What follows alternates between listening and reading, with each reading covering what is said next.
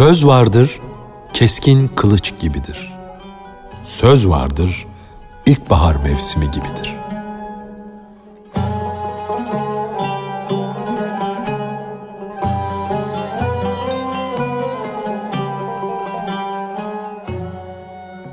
Dostlarla konuşurken çok dikkatli ve ihtiyatlı hareket etmelidir. Çünkü söz vardır, keskin kılıç gibidir. Dostluğu keser, öldürür. Kalpte tedavisi imkansız yaralar açar. Kalp bahçesindeki yeşillikleri, sevgi çiçeklerini kış mevsimi gibi öldürür. Bir söz de vardır, ilkbahar mevsimi gibidir. Her tarafı süsler, güzelleştirir. Sayısız yararlar sağlar.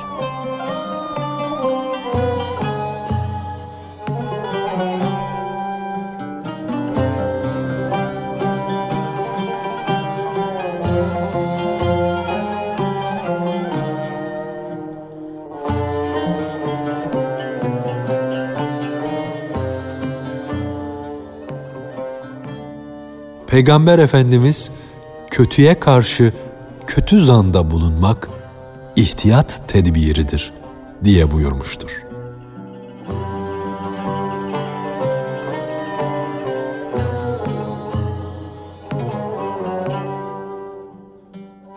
Tedbir ve ihtiyat ona derler ki kötüye karşı kötü zanda bulunasın, bu yüzden kötülükten kaçıp kurtulasın.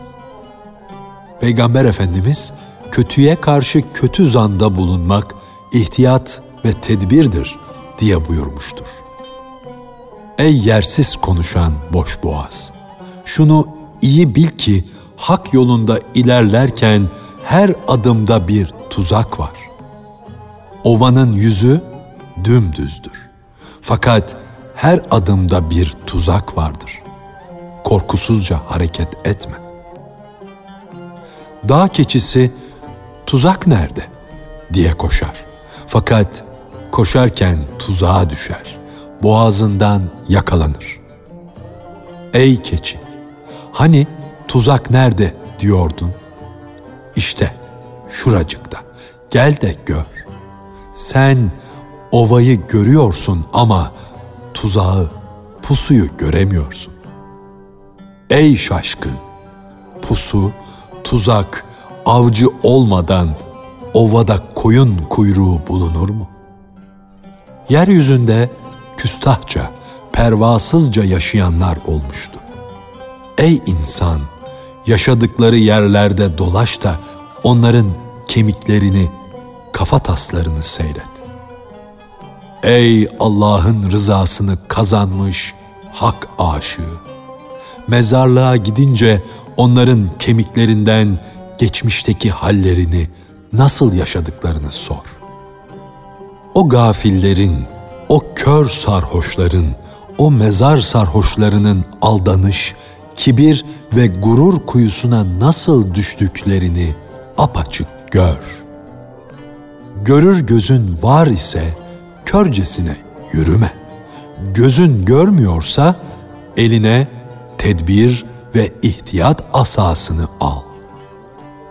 Elinde tedbir ve ihtiyat asası yoksa bir şey görüp de onun hakikatini anlamaktan aciz isen görmüş geçirmiş gözü gönlü aydın bir zata uy. Tedbir ve ihtiyat asası bulamadınsa bir şeyi görüp de onun hakikatini anlamıyorsan değneksiz her yolun başında durma. Gözü görmeyen bir kimsenin adım atışı gibi ihtiyatla adım at ki ayağın kuyuya düşmekten ve taşa çarpmaktan kurtulsun. Kör bir kazaya uğramayayım diye titreye titreye, korkarak, sakınarak adım atar.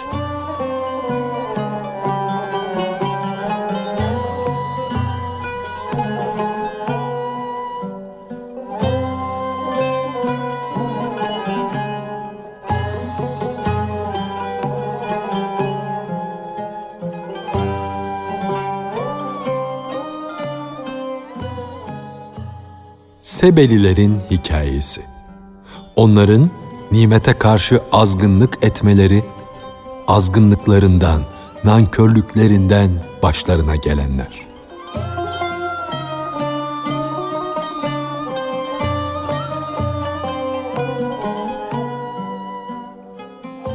Sen Sebelilerin hikayesini okudun mu?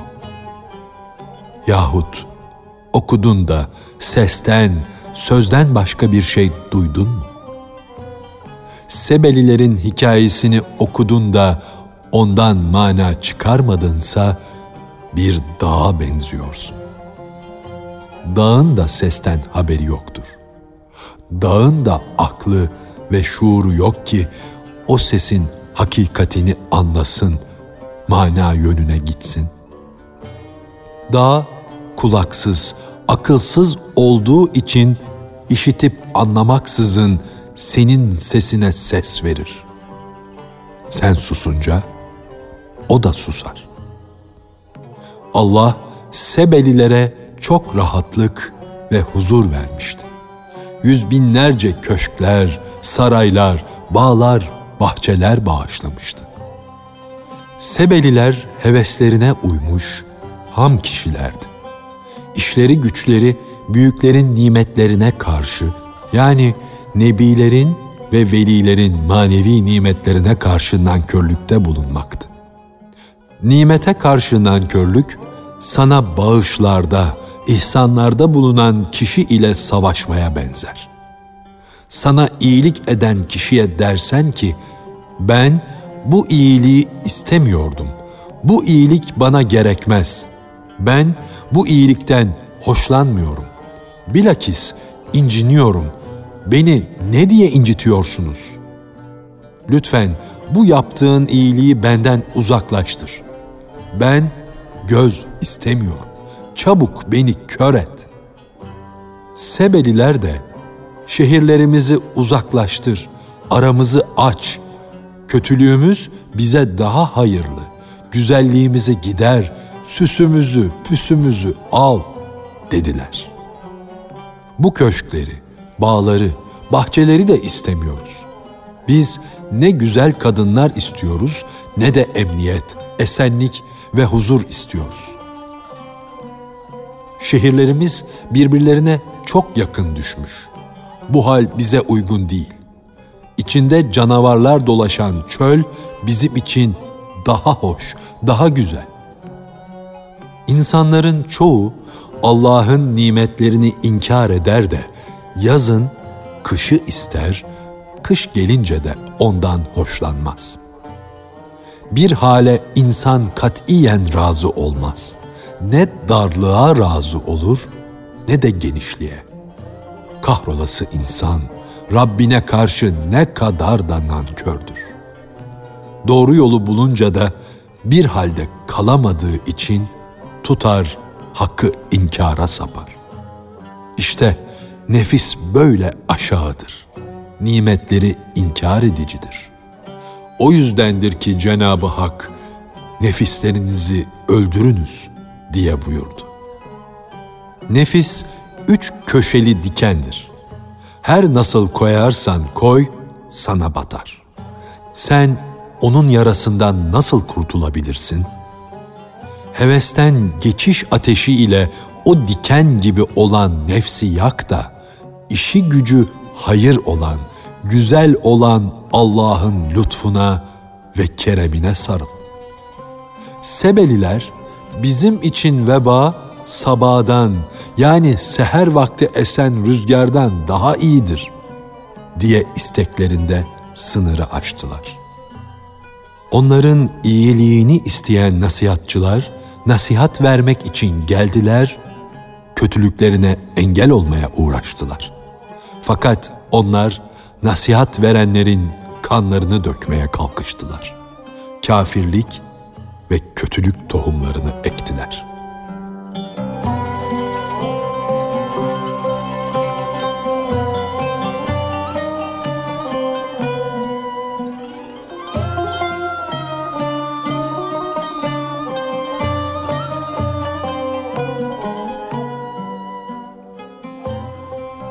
Peygamber Efendimiz kaza gelince en geniş alan darlaşır diye buyurmuştur.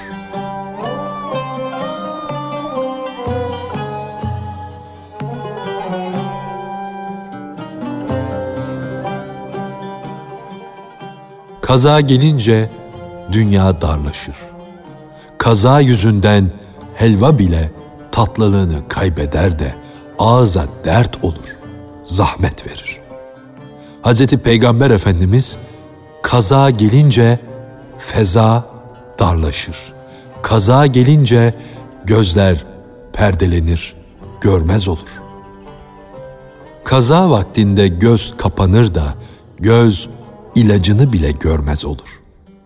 O atlının hilesi yani hakkın kazası günah tozu koparıp da gözü görmez hale getirince o toz seni Allah'a sığınmaktan ve ondan yardım istemekten uzaklaştırır. Ey hak yolcusu! Sen atlıya doğru git. Toza, dumana doğru gitme. Yoksa o atlının kazası seni ezer geçer. Allah kurdun yediği koyuna yani mümine der ki, günah kurdunun kopardığı tozu gördün de ne diye melemedin? Yani istiğfar edip hakka sığınmadın. Ne diye seslenmedin? Koyun yani hayvan tabiatlı kişi günah kurdunun kopardığı tozu bilemedi. Kendi aklına, bilgisine güvendi de dünya nimetlerinden yararlanmaya daldı. Aslında koyunlar bile kendilerine zarar verecek, onları parçalayacak kurduk kokusundan tanırlar, bilirler ve ondan uzaklaşırlar. Hayvanlar bile aklederler. Arslanın kokusunu duyarlar da otlamayı bırakır, dağılırlar. Sen de ey hak aşığı, Allah'ın öfke arslanının kokusunu alınca günah yolundan geri dön. Allah'a yalvarmaya, yakarmaya, dua etmeye başla.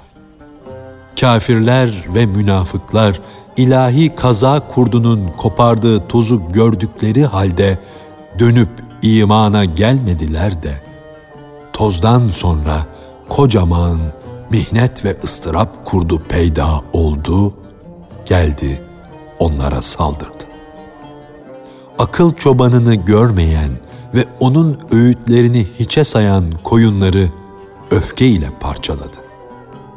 Akıl çobanı onları kaç kere kurtuluşa çağırmıştı da onlar gelmemişlerdi. Üstelik çobanın gözüne gam ve keder toprağı saçmışlardı. Kendilerini kurtarmak için çırpınan çobana demişlerdi ki, hadi git, biz senden daha iyi çobanız. Ne diye sana uyalım? Bizim her birimiz birer emiriz, beyiz.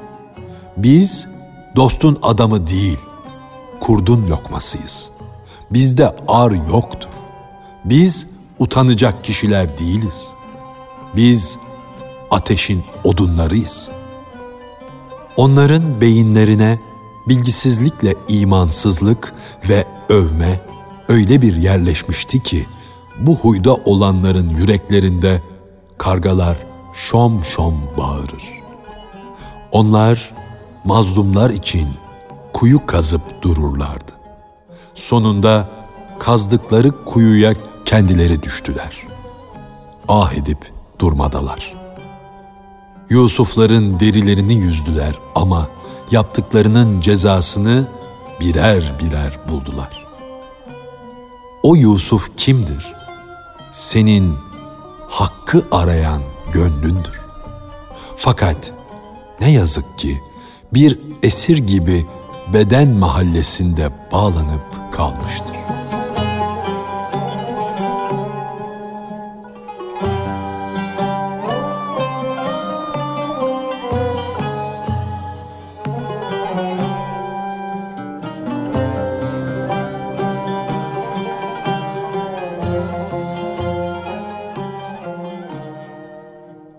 Sen ötelerden, ruh aleminden gelen ruhu beden zindanında hapsetmişsin.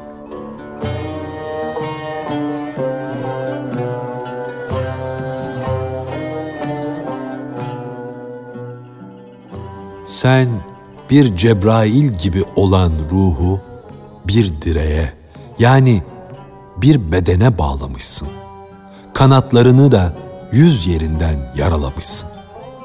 İşlediğin günahlarla ruhun yükselme kabiliyetini elinden almışsın. Ona gereken gıdayı veremiyorsun. Bazen onun önüne kebap olmuş dana eti koyuyorsun, bazen de onu alıyor, içinde hayvanların yiyeceği bulunan samanlığa götürüyorsun. Ona diyorsun ki, işte bizim gıdamız budur. Halbuki behey gafil, onun gıdası samanlıkta değildir. Onun gıdası gökyüzündedir. Onun Allah'la buluşmaktan başka gıdası yoktur. O belalara uğramış da bu işkenceden, bu imtihanlardan ötürü seni Allah'a şikayet ediyor. Allah'ım diyor. Bu kocamış kurttan sana sığınırım. Bunun elinden beni kurtar. Cenabı Hak kuluna sabret diye buyurur. Neredeyse vakit geldi çattı. Seni anlamayan, senden habersiz olan nefisten senin hakkını alacağım. Seni kurtaracağım. Adil olan Allah'tan başka kim adalet gösterebilir? Ruh der ki, Ya Rabbi, senin yüzünü görmeyeli sabrım tükendi, yok oldu. Ben bu beden zindanında Yahudilerin elinde aciz kalmış bir Ahmet, Semud kavminin hapishanesine düşmüş bir salihim. Ey peygamberlerin canlarına saadet bağışlayan Allah! Ya beni öldür yahut beni yanına çağır. Yahut lütfet, tenezzül et, sen gönlüme gel. Kafirler bile senin ayrılığına dayanamıyor da. Ne olurdu ben de toprak olaydım der imansızlar tarafında bulunan bir kafir bile senden ayrı düşmeye dayanamaz iken, sana inananların, sana bağlananların senden ayrı düşünce hali nice olur? Cenab-ı Hak buyurdu ki, Ey pak ve nezih olan ruh! Evet, öyledir. Sen bana aşıksın ve beden hapishanesinde mahpussun. Fakat bu sözleri dinle. Sabırlı ol. Saati gelince seni azat ederim. Sabah yakındır. Sus. Coşkunluk etme. Ben senin için çalışıp durmadayım. Sen çalışma.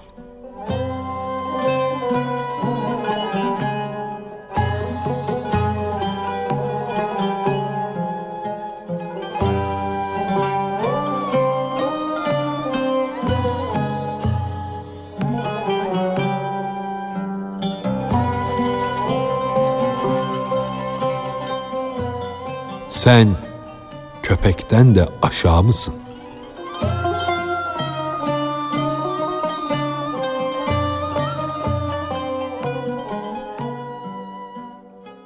Bir köpeğe bir kapıdan bir lokma ekmek verilse, o kapıya bağlanır, o kapının minnettarı ve hizmetkarı olur.